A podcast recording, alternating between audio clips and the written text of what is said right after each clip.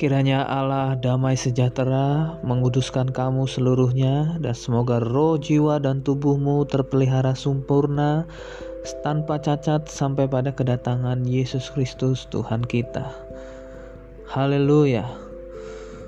Puji Tuhan.